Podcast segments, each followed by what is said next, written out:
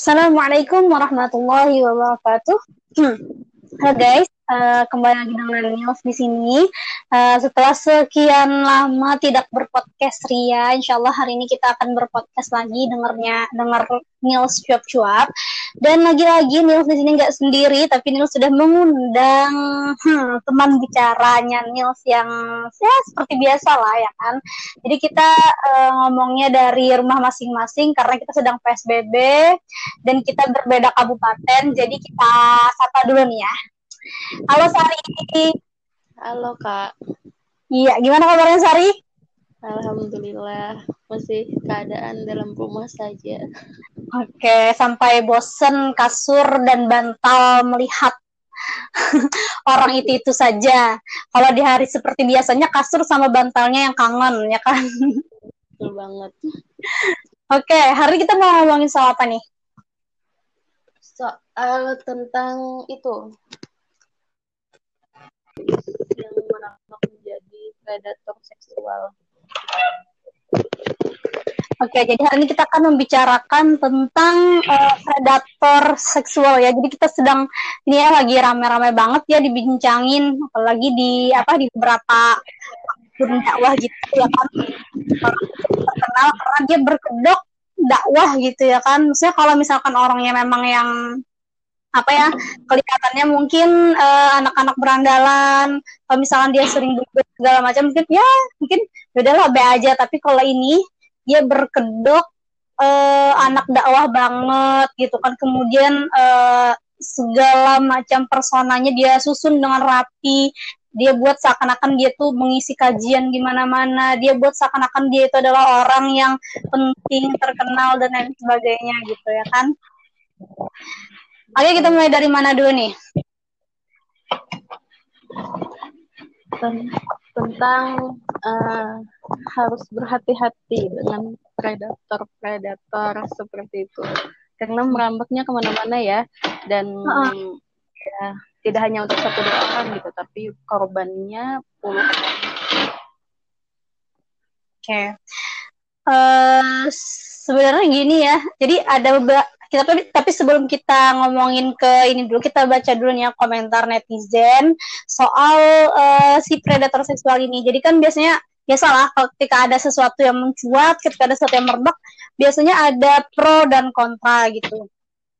Jadi ada ada satu komentar gitu ya, ada satu komentar yang bilang gini, emang salah dia tuh di mana sih? Karena karena gini loh, karena si orang ini kemudian diviralkan dan di blow up oleh akun-akun dakwah gitu kan, akun-akun dakwah hmm. atau mungkin akun-akun yang mungkin uh, akun-akun pribadi yang uh, mungkin notabene orang orang-orang yang mungkin udah hijrah, orang-orang yang ya islami banget lah gitu kan. Hmm kata si komentar uh, netizen ini gimana sih sebenarnya salah orang ini lagi pula? Kenapa sih akun akun dakwah ini maksudnya ngeblow dia gitu kan? Uh, kenapa sih kalian nggak fokus ke tujuan kalian itu itu apa gitu? Lagian kan dia nggak yang apa berbuat syirik gitu kan? Kemudian lagian dia juga menikahi bukan uh, jajan-jajan gitu kan? Dia menikahi katanya.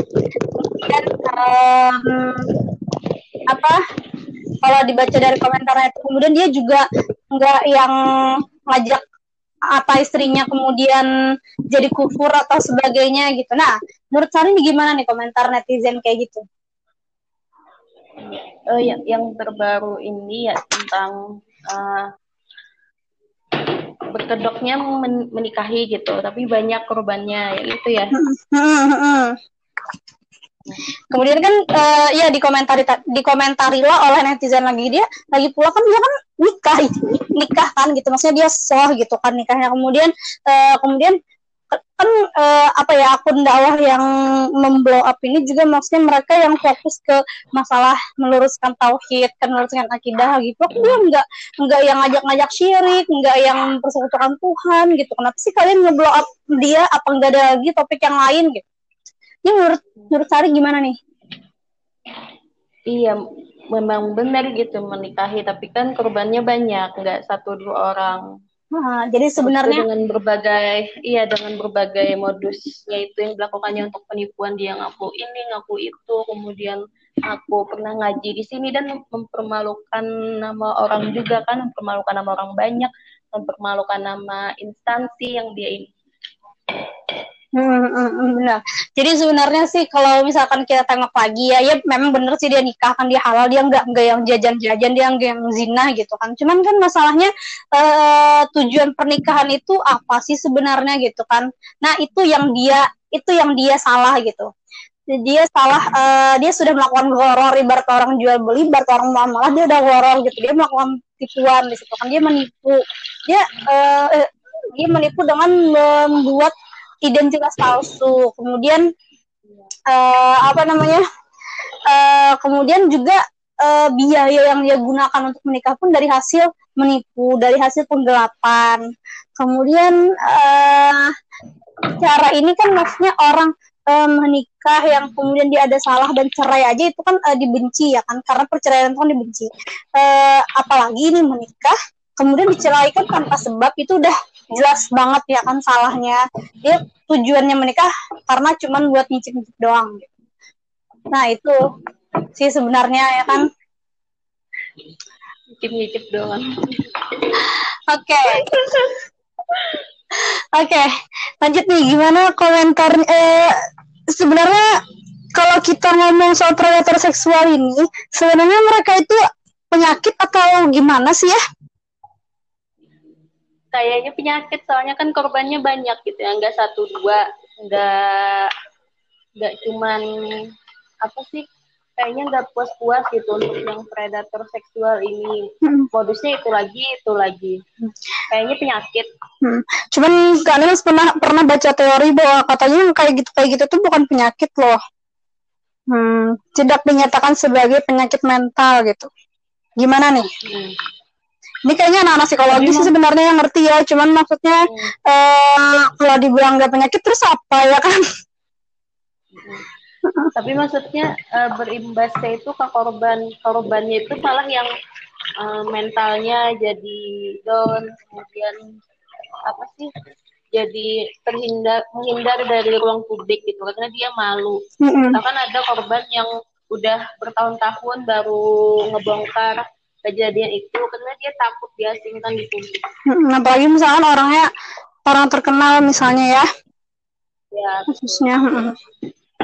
Yang nggak terkenal aja mungkin uh, malunya tuh segimana gitu pagi kalau kalau misalkan orangnya ini case-nya enggak eh pagi kalau misalkan case-nya orangnya ini terkenal selebgram gitu kan.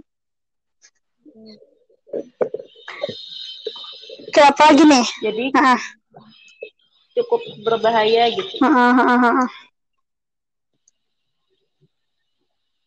Eh, sebenarnya gini lah ya, apa ya media sosial tuh kayak bisa eh, kita tuh kayak le lewat media sosial tuh bisa melacak orang itu segimana, tapi nggak nggak sepenuhnya lah ya ternyata.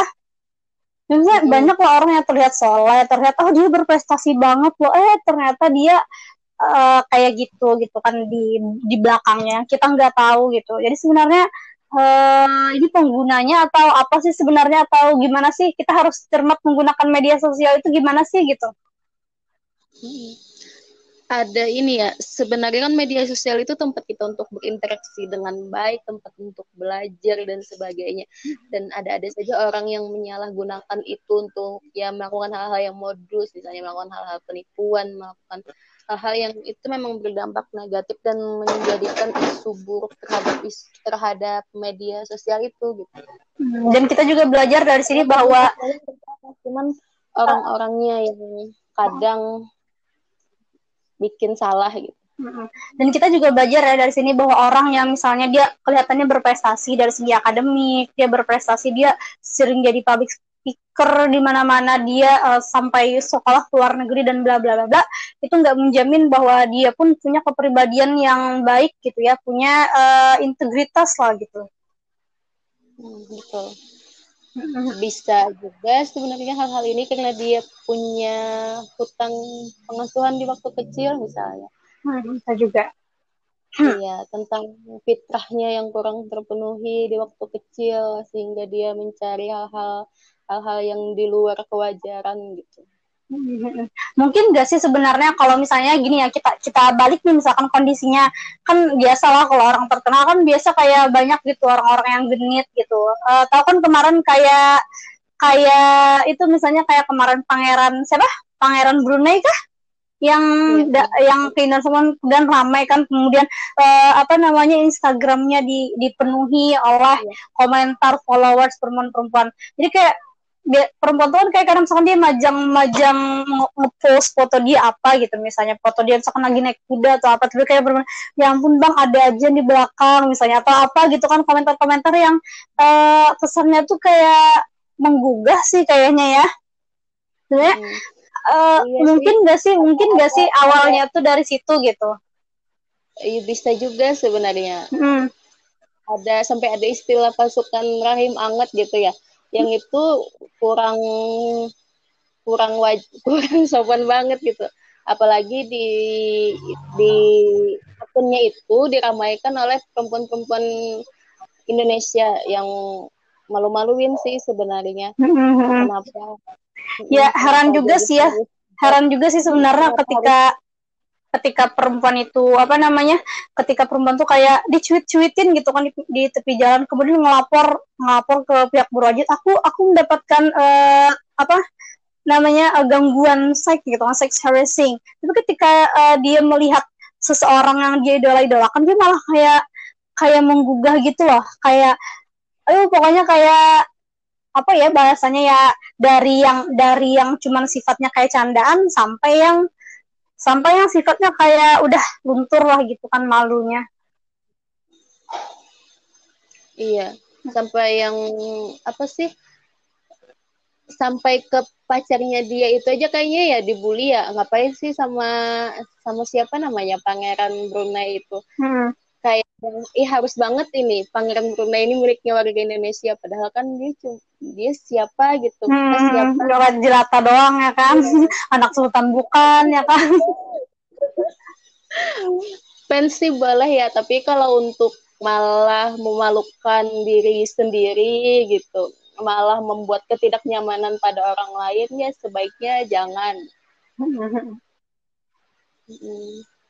Iya, kita kadang kalau digangguin sama orang gitu malah nggak suka hati ngelapor dan sebagainya. Tapi kitanya sendiri malah berbuat demikian gitu ke orang lain.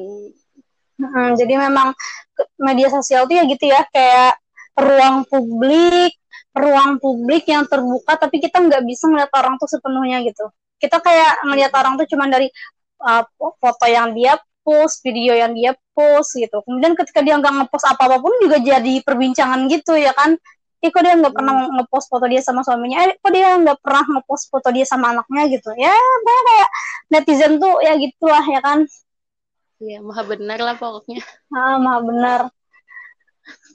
Itu sih hmm. apa ya tantangan godaannya menjadi orang yang mungkin terkenal ya di di media sosial ya terutama maksudnya Betul. apa ya e, di sisi lain misalnya mungkin dia e, misalkan ya kan e, ada juga orang yang mungkin dia mungkin awalnya niatnya cuma kayak pengen memberikan kebermanfaatan lewat media sosialnya. Kemudian kan kayak lama-lama ya ampun dia ini ganteng suaranya bagus kemudian soalnya di luar negeri. Kemudian akhirnya kayak banyak perempuan-perempuan yang kayak mengidolakan dia gitu kan. Padahal dia sebenarnya mungkin awalnya cuma kayak oh karena dia suka ngaji aja misalnya kan. Dia atau dia merasa merasa memang oh dia punya bakat suaranya bagus kemudian dia upload upload kan.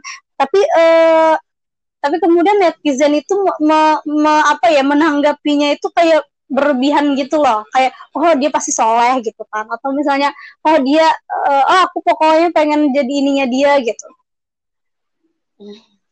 Iya, yeah. padahal kan sesuatu mesti gitu apa yang ter, terlihat di media itu juga ter apa?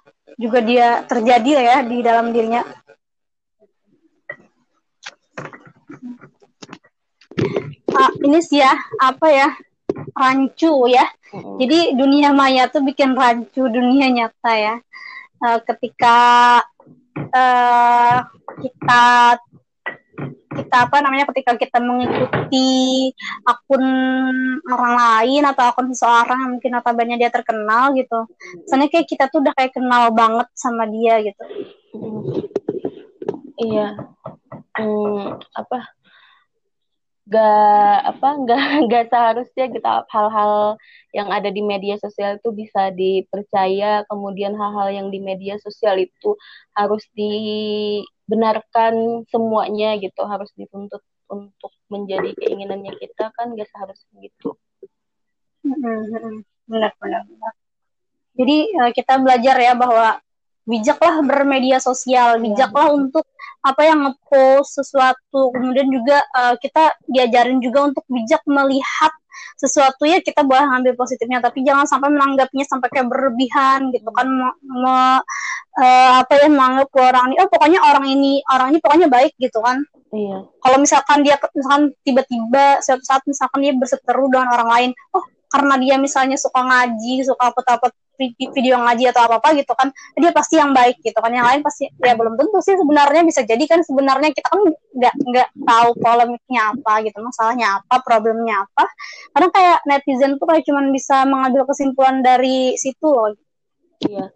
Kemudian juga jangan bermedia sosial untuk menipu orang lain gitu. Kayak tadi misalnya iya benar benar. uh, ma, ma, menipu perempuan-perempuan misalkan untuk dinikahi, diceraikan, dinikahi, diceraikan lagi gitu. Dan mm-hmm. ya nggak semudah itu gitu. Semua perempuan jadi janda Anda, Bapak gitu Benar-benar. Kalau yang itu kan kasusnya menipu ya, ada juga mungkin uh. orang yang menggunakan media sosialnya untuk tebar pesona juga ada ya kan.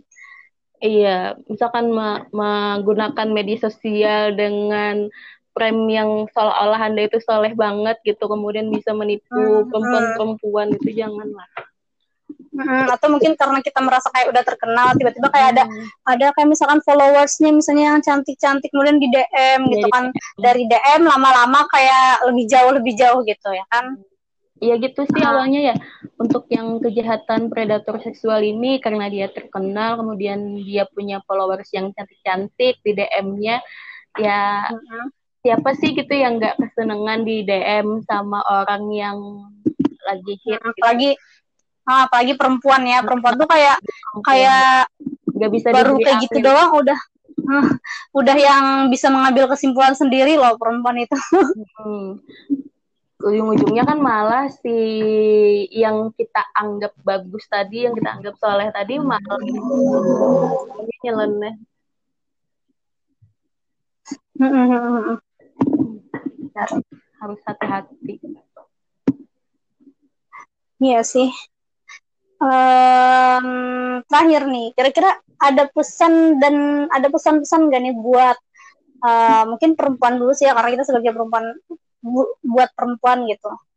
Untuk menghadapi ya yang seperti inilah gitu kan. Iya jangan gampang tertipu lah gitu.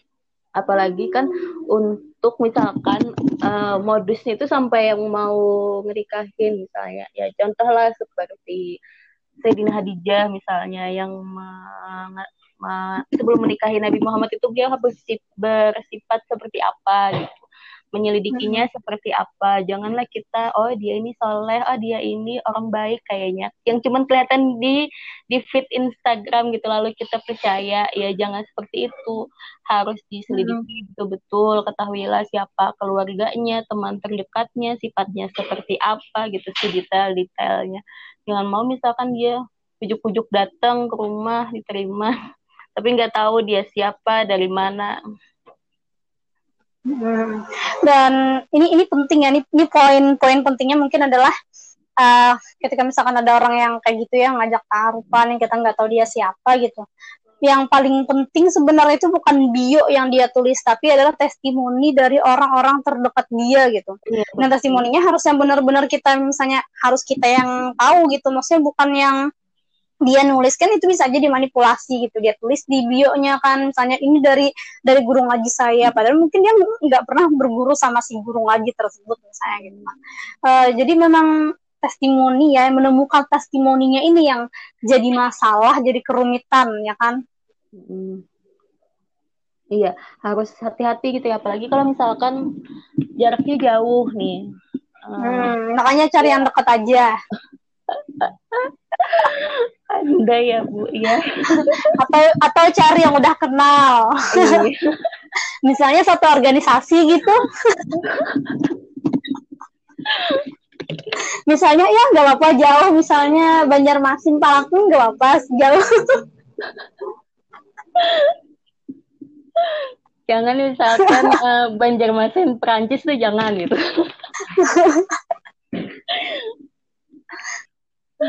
cari yang memang betul-betul bagus latar belakangnya jangan yang sekadar oh, fotonya ganteng gitu misalkan atau ya oh postingannya bagus nih makannya di tempat mewah terus gitu. Oh, berarti kaya nih ya juga semudah itu gitu.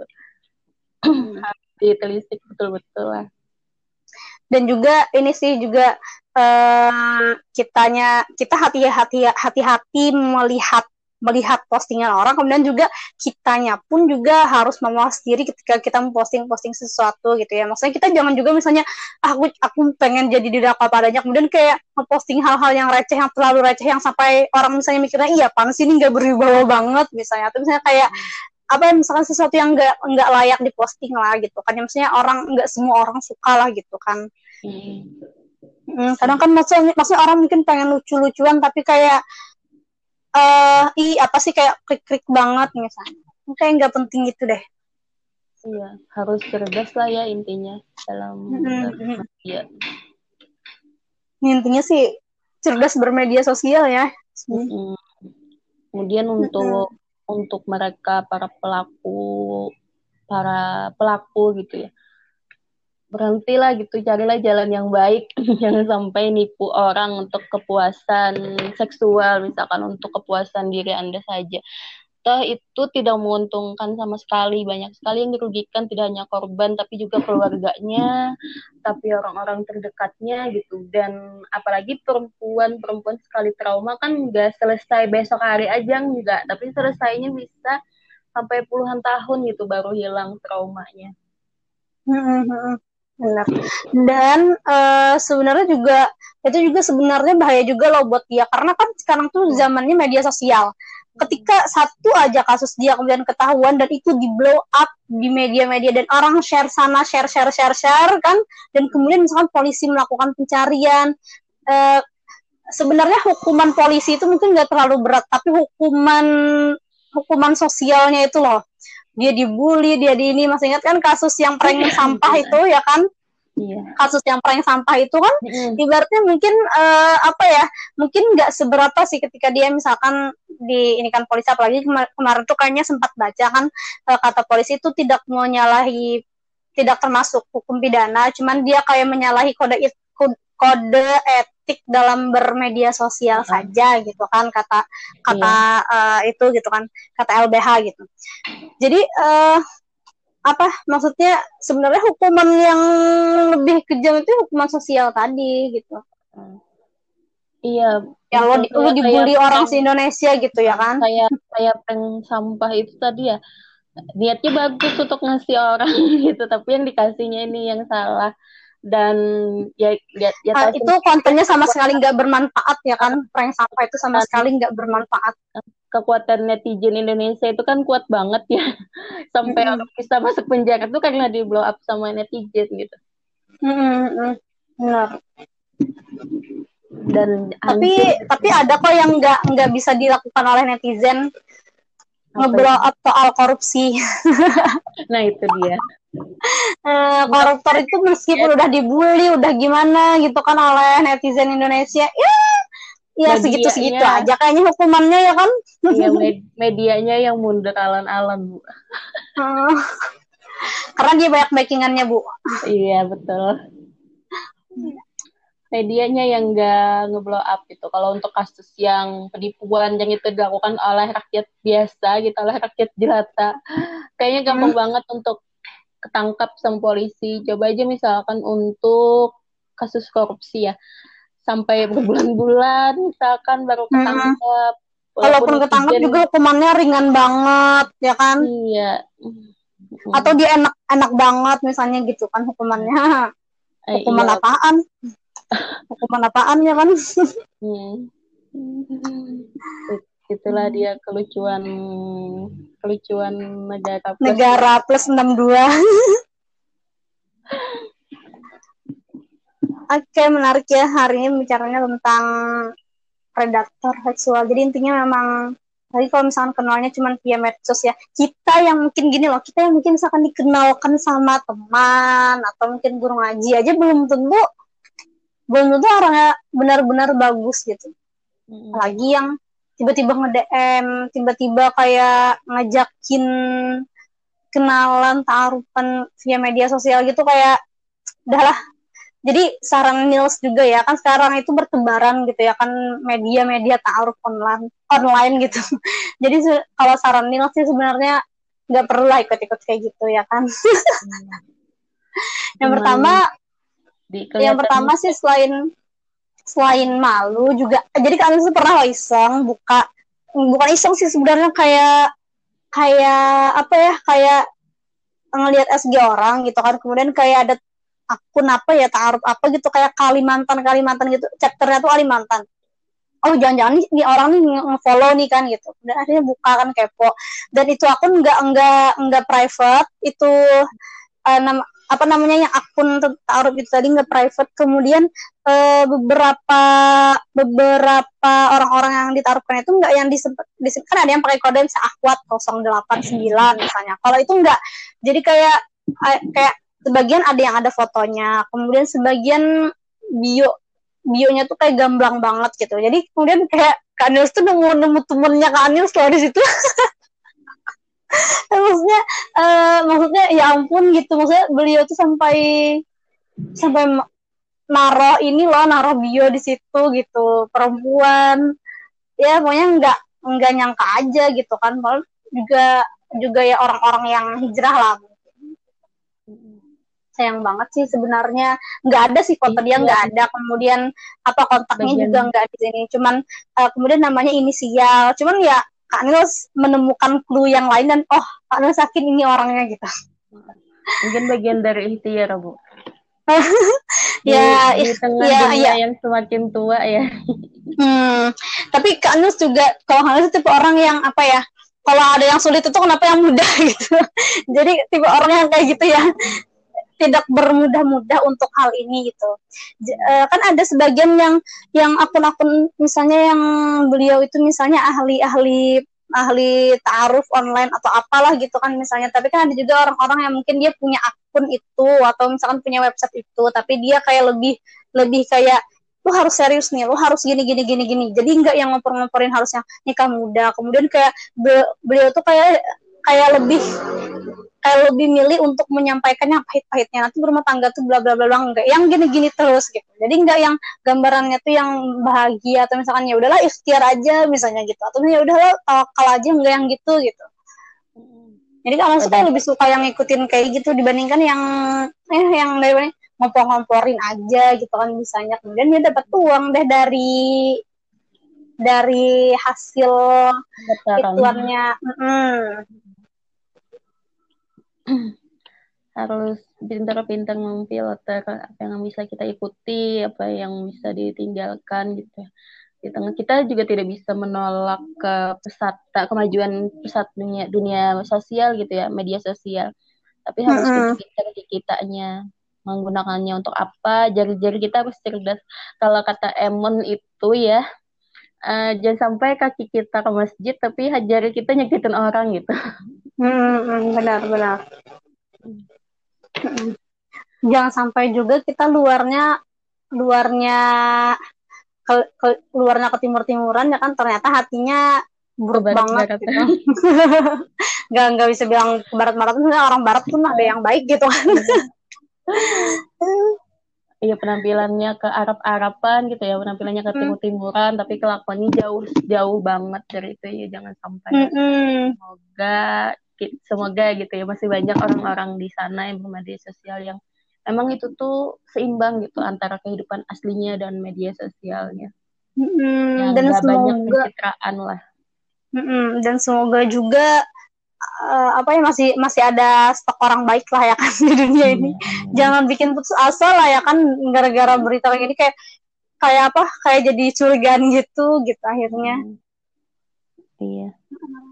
Jangan kayak kemarin mau mau memutuskan untuk berhenti main IG aja terus kayak tiba-tiba kayak kok apa tiba-tiba banget gitu kan IG itu kayak langsung dipenuhin dipenuhin apa DM segala macam kemudian ada yang ya jangan DM oh dikirain kenapa jadi mau IG karena mau nikah? Terus udah kan gak direspon. Terus udah baca berita ini belum kan udah udah udah baca kan sebenarnya berita yang tentang Dinar itu yang hmm. Ya tadi yang dia menikahi banyak sekali perempuan ya kan. Bahkan dia dia menikah dengan uh, perempuan yang berbeda di hari dan tanggal yang sama gitu.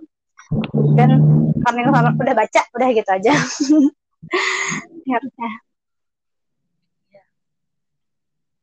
harus santai saja kita. Mm-hmm. untuk perempuan juga nggak usah ngebet kalau ada ahi genit gitu ya yang ada M nggak usah ngebet biasa aja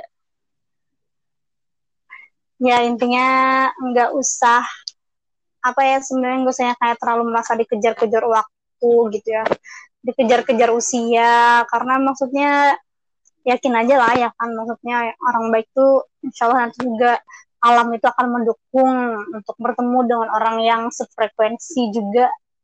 Iya betul bu. uh, jangan putus asa intinya sih. Iya betul. Kayak semacam men menyemangati diri sendiri gitu ya.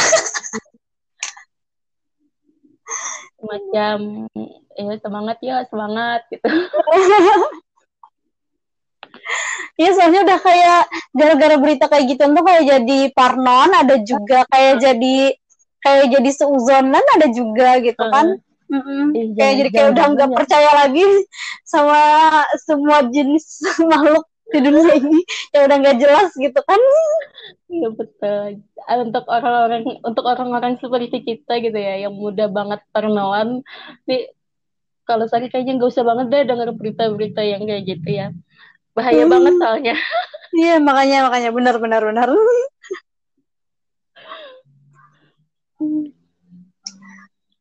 Oke, okay. pesan-pesan terakhir sebelum kita tutup podcast kita ini.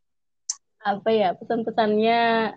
Ya harus berhati-hati, kita harus bijak lagi dalam menggunakan jari. Kemudian kalau ngupload foto, ya nggak usah lah ya foto yang cantik-cantik banget nanti dimodusin kemudian uh, untuk laki-laki nggak usah lah ya ngupload foto-foto yang so so alim banget gitu tapi apalagi cuman kulehu ya hmm. Eh, nggak uh, usah yang so terpesona banget lah gitu. Itu imbasnya bisa nggak baik banget. Ya ya kalau misalkan ketemu yang pas ketemu yang jujur gitu tapi kalau enggak itu yang bahaya. Hmm, harus berhati-hatilah kita intinya. Apalagi di musim-musim yang ekonomi semakin merosot ini penipuan di mana-mana iya uh, benar. pemodusan itu bentuknya dengan berbagai macam bentuk pemodusan uh, uh, jadi harus hati-hati apalagi BPJS hmm. ini naik ya jadi harus yeah. orang harus orang dituntut harus tiba-tiba ya orang orang lagi kesulitan gitu ya dan kemudian BPJS naik ha beda topik lagi ini bu judulnya ya ampun ya, ya sih kita pinter-pinter jaga baik nama agama sih ya sebenarnya hmm. ya, kita ya. ini kan sebenarnya megang banyak sekali identitas ya yang mungkin kita tuh siapa sih gitu kan sebenarnya. Kita tuh kayak hmm, ya gue gue guru gue muslim gue perempuan gue muslimah kayak banyak banget gitu kan yang kita pegang. uh, uh, jangan sampai misalnya karena kita tuh kayak nggak mikir identitas identitas kita sebagai itu tadi kemudian kayak akhirnya orang kayak memandang oh ternyata di Islam tuh kayak gini gitu. Atau kemudian ketika dia berseteru dengan orang lain kayak oh ternyata orang yang covernya soleh atau anak tuh nggak enggak ini ya di muslim itu gitu enggak enggak seluruhnya nyata gitu kan akhirnya kan kayak kayak apa ya orang tuh paradigmanya tuh ini loh gitu paranoid lah gitu kan sama ya intinya kita pegang nama baik agama lah itu kan hmm. intinya dulu hmm. yang paling besar dari diri kita kan itu Iya kadang ya kita misalkan ya di Instagram nih kan di Instagram ya yang mudah banget untuk dibully dan sebagainya kalau di WA kan itu cuma teman-teman ah. kita gitu kalau misalnya kita majang upload foto kita yang muslimah banget gitu pakaiannya. Tapi kelakuan kita masih kayak gitu itu bakal jadi omongan-omongan orang gitu. Eh kok dia ini pakainya santun banget agamanya Islam gitu tapi kelakuannya gini banget. Nah itu kan jadi mempermalukan mm -hmm. agama kita sendiri. Jangan sampai hal-hal yang hal-hal yang sebenarnya itu tidak dianjurkan agama yang kita tugasnya untuk menjaga agama malah kita sendiri yang mempermalukan agama kita Hmm, sama kayak kasusnya si Dinar tadi ya kan, dia sampai iya. ibaratnya kayak kayak tahu gitu lah maksudnya uh, manhaj ini tuh kayak gini kayak gini ustadznya ustadznya ini ini ini gitu kan pondoknya ini gitu dia tuh sampai kayak tahu itulah detail itunya tuh saking dia ingin berkedoknya tuh kan kalau orang di luar sana yang nggak tahu yang nggak ngerti dikiranya dia memang orang yang bermanhaj itu kan gitu iya. jadi foto yang tersebar kan dia fotonya sama ustadz ustadz yang manhaj itu kan ibaratnya hmm. jadi kayak pesannya eh dia dia kok dia bisa foto sama ustadz itu? Misalnya ya gitu gitulah gitu kan. Hmm. padahal kan bisa aja ya fotonya cuma sekali dua kali ketemu gitu di pengajian. Hmm, atau mungkin kan kadang ustadz itu kan misalnya dia nggak tahu masa masa dia nanya eh kamu penipu kan nggak mungkin gitu kan. Pasti kan kalau misalnya dia minta foto ustadz boleh foto ustadz? Kan mungkin kalau ustadznya ada waktu kan ya dia mau aja kan biasanya gitu foto gitu. Nggak mesti apa ya bahasanya nggak mesti ustadznya kenal juga gitu Iya harus. Janganlah kita percaya karena dia postingannya sama Ustadz gitu ya. Lalu kita oh ini orang saleh nih. Ah ya udah deh nggak apa-apa deh dinikahin gitu. Ya janganlah nggak semudah itu bu gitu. Apalagi misalnya kayak suka berkata-kata manis mm. ngajak pengajian bla bla bla gitu kan. Sebenarnya juga belum tentu juga sih sebenarnya. Ya, intinya sih sebenar serba belum tentu tapi juga belum tentu juga dia nggak baik kan kan mm sebenarnya gitu. Intinya sih berhati-hatinya iya tapi jangan juga curiga gitu. Iya tingkatkan husnujon tingkatkan hati-hati. Hmm, ya, dan saking kita husnujonnya lalu kita apa kata orang ya udah deh iya iya iya percaya ya nggak diselidikin dulu ya kan? Benar nggak nih ngajinya sama ini misalnya? Hmm. Ya oke okay, itu tadi ya podcast kita hari ini menarik sekali. Setengah jam lebih kita berbincang-bincang mengenai ya kehidupan serba-serbi perduniawian ya kan. semoga bermanfaat, semoga apa ya lebih membuka ini wawasan kita juga hmm. lebih membuka mata kita juga gitu kan untuk melihat orang itu lebih ini intinya memang hmm. orang tuh semuanya ada kekurangannya cuman intinya eh, kekurangannya itu apakah sesuatu yang bisa ditolerir atau tidak? Kemudian apakah itu berdampak berdampak sosial atau berdampak buruk gitu kan terhadap agamanya hmm. terhadap kemudian misalkan dia harus turun penjara atau apa itu kan dampak ini buruk iya. kan gitu kan. Kalau misalnya orang tuh image-nya sudah masuk penjara ya ya buruk kan gitu. Apalagi sampai yang menipu bla bla bla gitu kan. Itu dampaknya buruk. Jadi misalnya kalau misalkan kalibernya udah kayak gitu ya udah itu enggak udah itu close close gitu kan tapi kalau misalnya kalau misalkan mungkin kekurangannya ya apalah gitu kan misalnya dia masih belum dia masih belum fasih bacanya tapi dia sholat waktunya oke okay. dia baik dia dia akhlaknya baik sama orang dia baik gitu kan ya itulah hmm. mungkin kekurangannya gitu kan kalau kayak gitu kayak gitu tuh dia masih bisa belajar masih ada kemungkinan dia bisa Mm-mm. Iya kata kata Bu Yahya itu ya nggak usah deh cari suami yang alim banget, yang sempurna banget, tapi carilah dia yang mau bertaubat.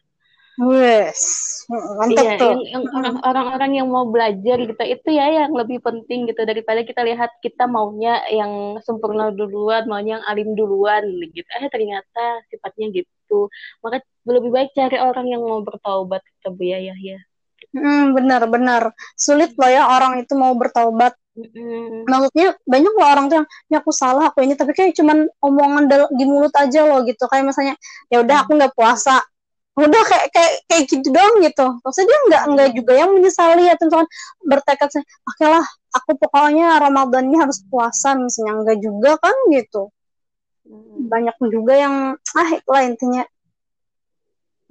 memang sulit sih nyari orang yang mau bertaubat itu benar-benar. Hmm. orang orang orang baik aja jarang mau bertaubat apalagi orang jahat. Iya maka kita dari sekarang itu ya semenjak dengar sejak dengar ceramahnya beliau itu ya kita harus kayaknya oh ya siapa pun kita kita harus pandai-pandai bertaubat kita harus rajin-rajin bertaubat janganlah merasa diri ini sudah banyak pahala gitu karena kita nggak tahu ya amalan kita yang mana perkataan kita mana, perbuatan kita yang mana yang dihitung pahala gitu. Maka jangan bosan-bosan untuk bertaubat setiap waktu. Istighfar hmm. lah ya, sering-sering istighfar dan sering-sering belajar. Hmm, benar benar benar. Oke oke. Hmm. Oke asik sekali ya pembicaraan kita hari ini. Semoga hmm. bermanfaat ya teman-teman sekalian. Nantikan podcast-podcast kami selanjutnya. See you. Assalamualaikum warahmatullahi wabarakatuh.